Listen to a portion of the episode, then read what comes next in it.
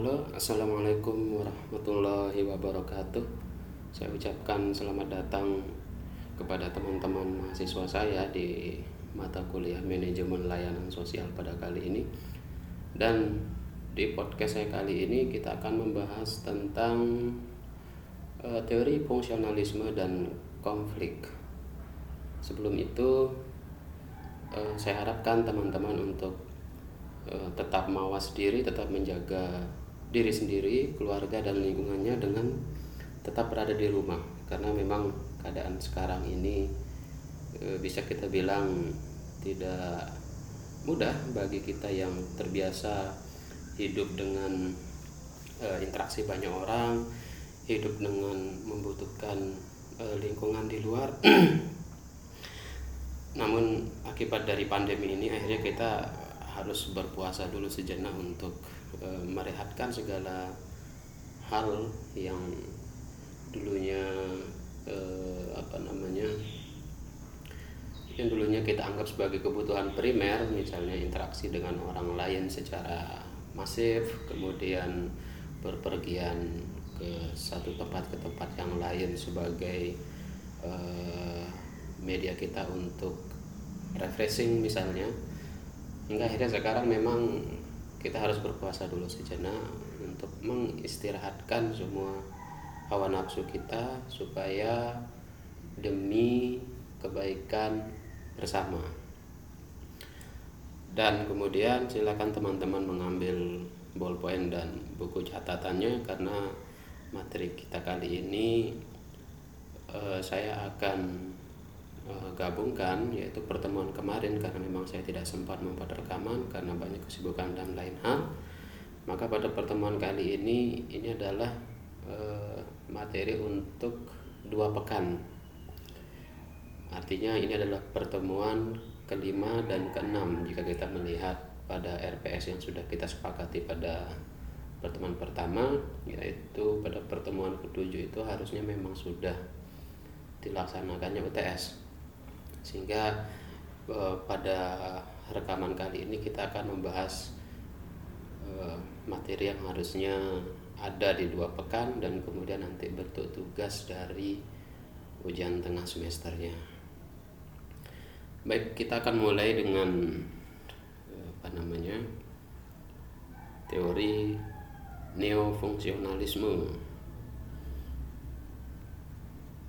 Silakan jika teman-teman uh, sedang berada di rumah hari ini untuk menyiapkan yang tadi ballpoint, kertas, sambil makan boleh, sambil minum, sambil tiduran juga boleh.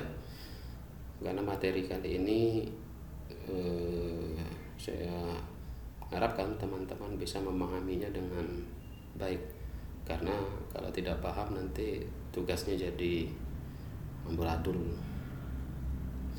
baik apa itu neofungsionalisme apa bedanya dengan fungsionalisme atau materi kita pada pertemuan sebelumnya tentang struktural strukturalisme fungsionalisme gitu. kalau strukturalisme fungsionalisme itu adalah satu pendekatan kalau dalam mata mata kuliah kita ya manajemen layanan sosial berarti satu pendekatan pelayanan sosial yang berbasis pada gerakan-gerakan korporasi, gerakan-gerakan perusahaan ataupun gerakan-gerakan lembaga baik itu negara ataupun eh, yang non government, yang lembaga non pemerintahan dalam memberikan pelayanan sosial. Sedangkan neofungsionalisme, neofungsionalisme itu artinya adalah eh, kalau dalam teori sosialnya dia integrasi integrasi regional katanya. Integrasi regional itu artinya bahwa adanya kerjasama antara region-region yang lain. Maka jika kita kaitkan dengan manajemen pelayanan sosial maka teori neofungsionalisme artinya adalah adanya integrasi antar lembaga-lembaga yang lain baik itu lembaga pemerintahan dengan lembaga pemerintahannya yang lain atau lembaga pemerintahan dengan lembaga non pemerintahan mereka melakukan suatu kegiatan integrasi ataupun kerjasama ataupun ketersinambungan dalam penyelesaian masalah. Uh, sebagai contoh misalnya di disiplin keilmuan kita yaitu pengembangan masyarakat Islam kita lebih sering berkutit dengan misalnya di lembaga pemerintahan yaitu Kementerian Sosial. Kementerian Sosial di dalam teori neofungsionalisme itu dianggap tidak akan mampu menyelesaikan permasalahan-permasalahan yang sudah diidentifikasi oleh lembaga tersebut tanpa bantuan dari lembaga lainnya. Eh, kita asumsikan seperti ini, misalnya adanya permasalahan sosial yang diidentifikasi oleh Kementerian Sosial sebagai contoh satu kemiskinan, bahwa Kementerian Sosial tidak bisa dengan sendirinya untuk menyelesaikan permasalahan kemiskinan sehingga dia membutuhkan lembaga-lembaga lain untuk membantunya atau mensupportnya bisa dalam bentuk dana bisa dalam bentuk eh, kegiatan-kegiatan penunjang lainnya. Contoh misalnya hmm, Kementerian Sosial bekerjasama dengan Kementerian Keuangan dalam mensubsidi bahan-bahan pokok.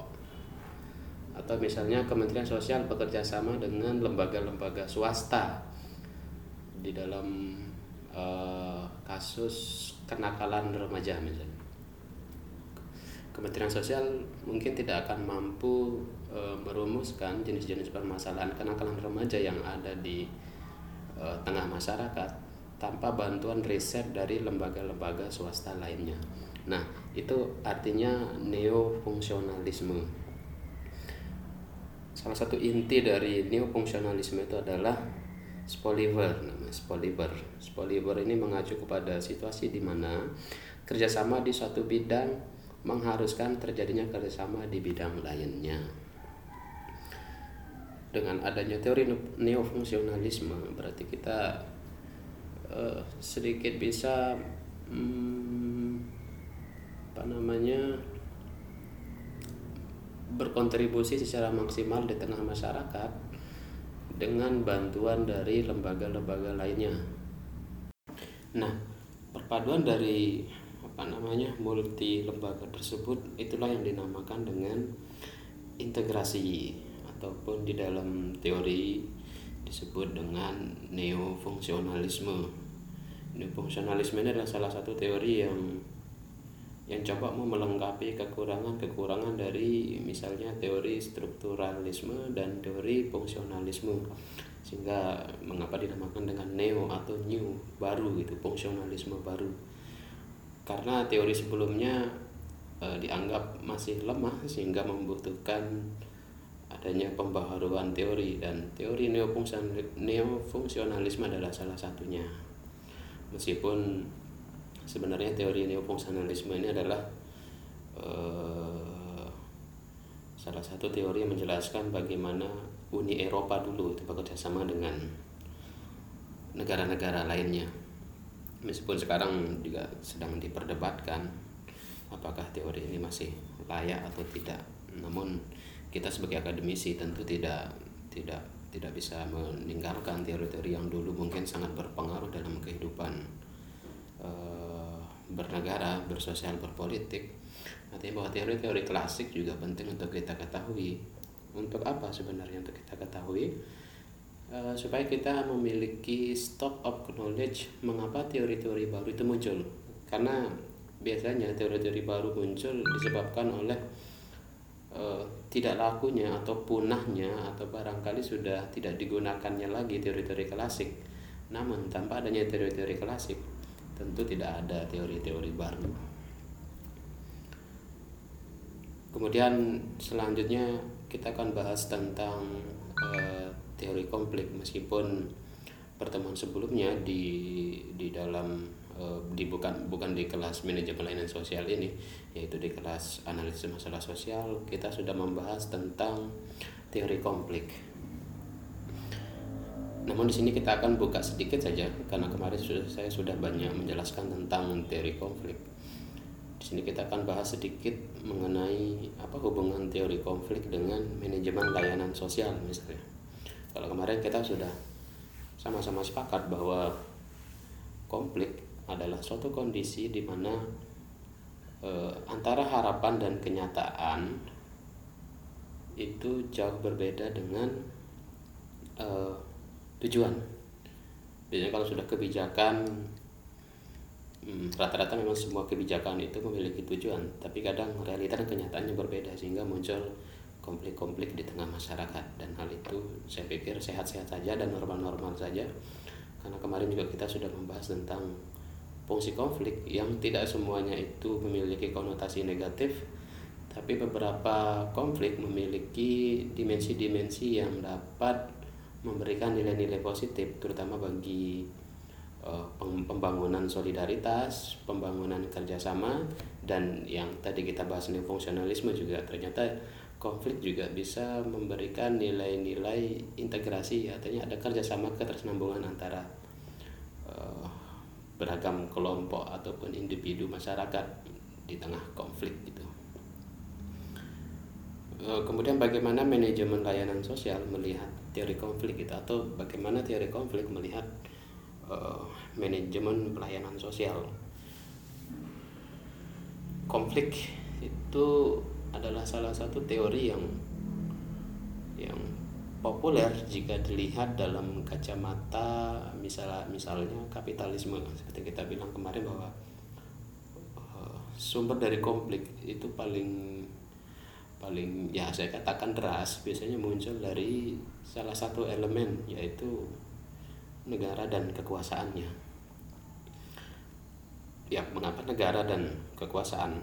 Ya karena kita hidup di tengah uh, populernya budaya budaya uh, kehidupan dengan dengan uh, diatur oleh sistem negara, sistem politik bernegara gitu. Jadi wajar jika konflik-konflik yang muncul di tengah masyarakat sebagian besar muncul dari salahnya atau tidak sesuainya kebijakan-kebijakan yang dikeluarkan oleh negara ataupun kekuasaan yang lebih besar dari itu misalnya eh, para para penguasa dunia lembaga-lembaga dunia sehingga masyarakat yang berada di bawah kekuasaan suatu negara eh, cenderung mendapatkan konflik jika kebijakan-kebijakannya tidak sesuai dengan apa yang diharapkan oleh masyarakat. Nah, di dalam manajemen layanan sosial perlu juga kita jika di dalam teori konflik artinya manajemen konflik gitu misalnya. Meskipun tadi kita bahas bahwa konflik lebih banyak memberikan nilai-nilai positif tentunya bagi masyarakat, tapi bagi suatu negara konflik tidak semuanya memberikan dampak positif. Konflik biasanya dianggap sebagai uh, suatu uh, apa istilahnya uh, suatu yang yang dapat merusak kestabilan, merusak stagnansi suatu negara atau kebijakannya sehingga konflik dianggap sebagai suatu permasalahan yang harus mau tidak mau segera diselesaikan. Kita bisa melihat itu di banyak negara yang sedang berkonflik bagaimana para negara-negara dan para penguasa berusaha untuk menyelesaikannya dengan pendekatan ada yang preventif, ada pendekatan yang lebih radikal misalnya. Dan konflik itu dalam kacamata negara adalah suatu permasalahan yang serius. Yo, bisa kita perhatikan juga di dalam uh, pengalaman bangsa kita, bangsa Indonesia. Bagaimana lika-liku konflik terjadi di sepanjang sejarah Indonesia. Bisa dimulai dari uh, postkolonialisme misalnya. Konflik-konflik pasca kemerdekaan. Ketika perebutan kekuasaan dari beberapa tokoh ataupun konflik-konflik yang bersifat politis gitu seperti uh, membumi membumi hanguskan para para anggota KPI atau juga konflik-konflik ketika tahun 98 ketika terjadinya krisis moneter dan runtuhnya Orde Baru. Kemudian konflik-konflik yang muncul juga setelah Orde Baru ketika masuk masa era reformasi juga tidak tidak uh, tidak membiarkan konflik hilang begitu saja justru konflik semakin banyak ragam rupanya apakah baik itu uh, pelanggaran HAM kemudian kebijakan-kebijakan yang salah arah yang dikeluarkan oleh negara dan banyak ragam jenis lainnya yang muncul di sejak panjang sepanjang uh, pengalaman negara kita. Kemudian konflik berasal dari uh, dari kata kerja Latin gitu yang artinya yang kata kerja Latinnya adalah compugere yang berarti saling memukul. Secara sosiologis eh, konflik diartikan sebagai suatu proses sosial antara dua orang atau lebih yang mana salah satu pihak berusaha menyingkirkan pihak lain dengan cara menghancurkan atau membuatnya tidak berjaya. Selalu konflik berbicara tentang adanya benturan-benturan kepentingan sebenarnya.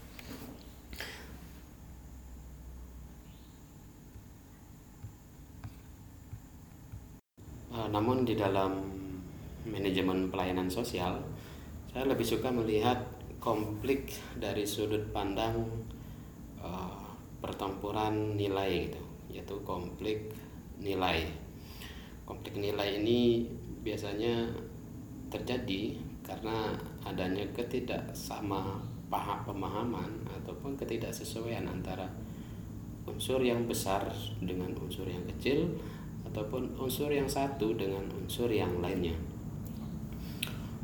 Dalam contoh, misalnya jika di dalam manajemen pelayanan publik, konflik pertentangan nilai atau konflik nilai biasanya terjadi ketika adanya perbedaan kepentingan antara kita kita kita berikan contoh misalnya antara perusahaan dengan masyarakat atau antara negara dengan masyarakat. Nah, nilai-nilai yang bertentangan itu cenderung lebih bersifat kepada eh, nilai-nilai prinsip. Sebagai contoh, ketika negara memberikan uh, kebijakan tentang uh, misalnya penanganan banjir kemarin di ibu kota kita di Jakarta, uh, para para pemimpin atau para gubernur itu masing-masing memiliki pendekatan yang berbeda dalam penanganan masalah banjir. Namun sering terjadi eh, benturan-benturan atau gesekan-gesekan sehingga menuai protes ya yaitu protes dari masyarakat kepada pemimpinnya. Nah, protes ini yang kita sebut sebagai konflik nilai. Di dalam unsur protes tersebut tidak hanya kepentingan dari artinya tidak hanya satu ragam jenis kepentingan yang muncul bisa jadi protes-protes ini muncul dari banyaknya ragam perspektif yang lahir dari masyarakat. Apakah banjir di DKI Jakarta itu dianggap sebagai uh, masalah atau konflik ketika pemerintah dianggap gagal memberikan kebijakan-kebijakan?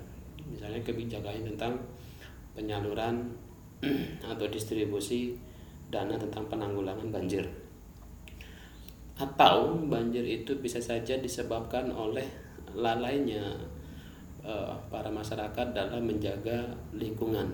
Nah, konflik-konflik nilai seperti inilah yang kita sebut sebagai uh,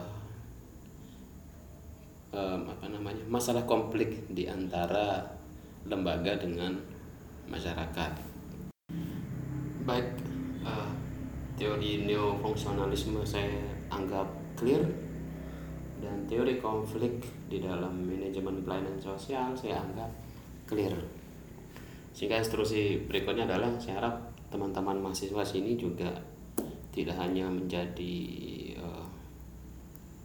pendengar yang santun gitu teman-teman mahasiswa juga saya harapkan untuk tetap proaktif terhadap kajian-kajian ilmiah yang tidak hanya bersumber dari para dosen. Jadi teman-teman sendiri juga diharapkan bisa berpikir kreatif untuk menambah wawasan-wawasan ataupun pengetahuan-pengetahuan yang pernah diberikan oleh para dosen sehingga teman-teman tidak hanya berpacu kepada pengetahuan yang disediakan oleh para dosen karena tentu belajar membutuhkan waktu yang sangat panjang. Sehingga yang kita katakan sebagai satu semester untuk membahas uh, satu mata kuliah itu belum tentu dosen dan mahasiswa mampu membahas uh, baik teori maupun praktek secara komprehensif. Sehingga teman-teman tetap dituntut untuk mencari referensi-referensi lain atau referensi-referensi pembanding di antara pengetahuan-pengetahuan dari para dosen ataupun pengetahuan-pengetahuan yang saat ini teman teman-teman sudah simpan dalam pikiran. Oke, karena ini adalah materi untuk dua pertemuan, maka selanjutnya eh, saya akan memberikan tugas karena dua pertemuan ini sudah terhitung eh, sampai kepada pertemuan ke-6 yang mana pertemuan ke-7 itu dalam kontrak belajar kita adalah UTS saya masih ingat ketika itu saya bilang bahwa kita ujian tengah semester tidak dengan melakukan ujian tulis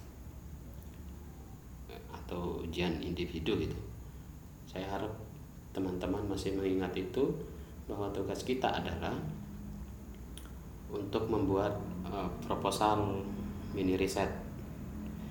Nah, nanti di Google Classroom saya akan bagikan kelompoknya namun perlu digarisbawahi bahwa tugas kelompok ini tidak harus dikerjakan dengan e, melakukan pertemuan-pertemuan yang e, atau pertemuan-pertemuan yang teman-teman lakukan di tempat umum.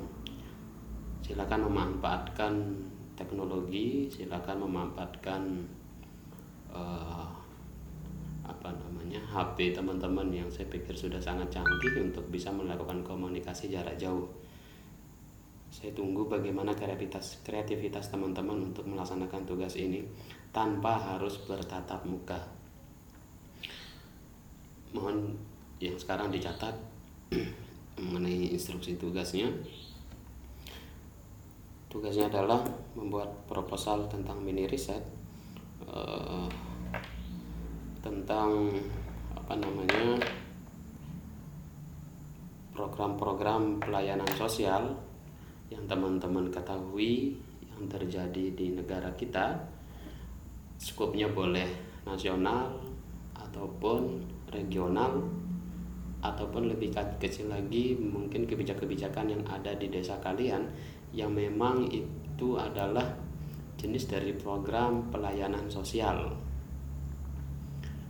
bisa program pemberdayaan masyarakat apakah melalui pemberdayaan para petani, pemberdayaan para pedagang ataupun jenis program-program lainnya. Kemudian eh, sistematika penulisannya ini sejenis makalah. Yang pertama memiliki daftar pustaka. Kemudian selanjutnya bab satu didahului dengan latar belakang atau pendahuluan. Kemudian berikutnya ada uh, rumusan masalah. Rumusan masalah cukup satu atau dua. Lalu kemudian uh, teori. Teori apa yang teman-teman gunakan untuk melihat program-program pelayanan sosial yang ada di sekitar teman-teman. Saya harapkan teman-teman menggunakan teori-teori yang pernah kita bahas sebelumnya supaya saya bisa mengukur apakah teman-teman memang sudah mengerti semua teori tersebut. Saya pikir cukup sampai di teori aja dulu proposalnya, tidak perlu sampai ke pendekatan penelitiannya karena itu nanti urusannya setelah uh, melakukan uh, bimbingan dari saya. Tugas ini dikerjakan secara kelompok, nanti kelompoknya akan saya umumkan melalui Google Classroom.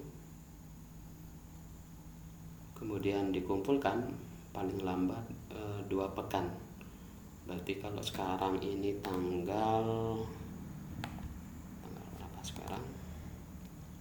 Sekarang tanggal 22, berarti tugasnya dikumpulkan di bulan April pada tanggal saya sebentar. Sekarang tanggal 23 berarti tugasnya dikumpulkan pada tanggal eh, 6 6 April 2020 dikumpulkan melalui uh, WhatsApp saya ya teman-teman.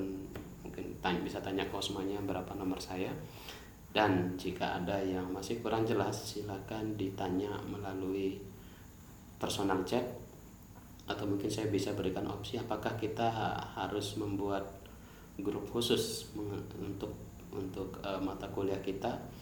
Karena nampaknya uh, wabah yang sedang kita hadapi sekarang ini membutuhkan waktu yang tidak sebentar. Dan mungkin dampaknya akan mengganggu ekosistem perkuliahan kita atau bagaimana manajemen perkuliahan kita. Saya tidak tahu. Saya memberikan uh, keleluasan itu kepada teman-teman untuk memberikan pendapatnya bagaimana kita mengatur kelas. Tentu dengan tidak melakukan pertemuan-pertemuan yang bisa me menyebabkan wabah ini malah tambah parah gitu. Itu tugasnya. Silakan dicatat dengan baik kalau kelewatan silakan direwind dulu. Kalau ada yang masih kurang jelas tolong hubungi saya melalui pesan WhatsApp. Oke jika tidak ada pertanyaan silakan dilanjutkan saja. Teman-teman selamat beraktivitas tetap jaga kesehatan tetap uh, taat kepada perintah-perintah yang diberikan oleh baik itu pemerintah daerah ataupun uh, presiden kita untuk mendukung bagaimana negara ini menyerang wabah atau pandemi dari COVID-19. Saya ucapkan selamat bekerja bagi teman-teman. Sekian dari saya. Wassalamualaikum warahmatullahi wabarakatuh.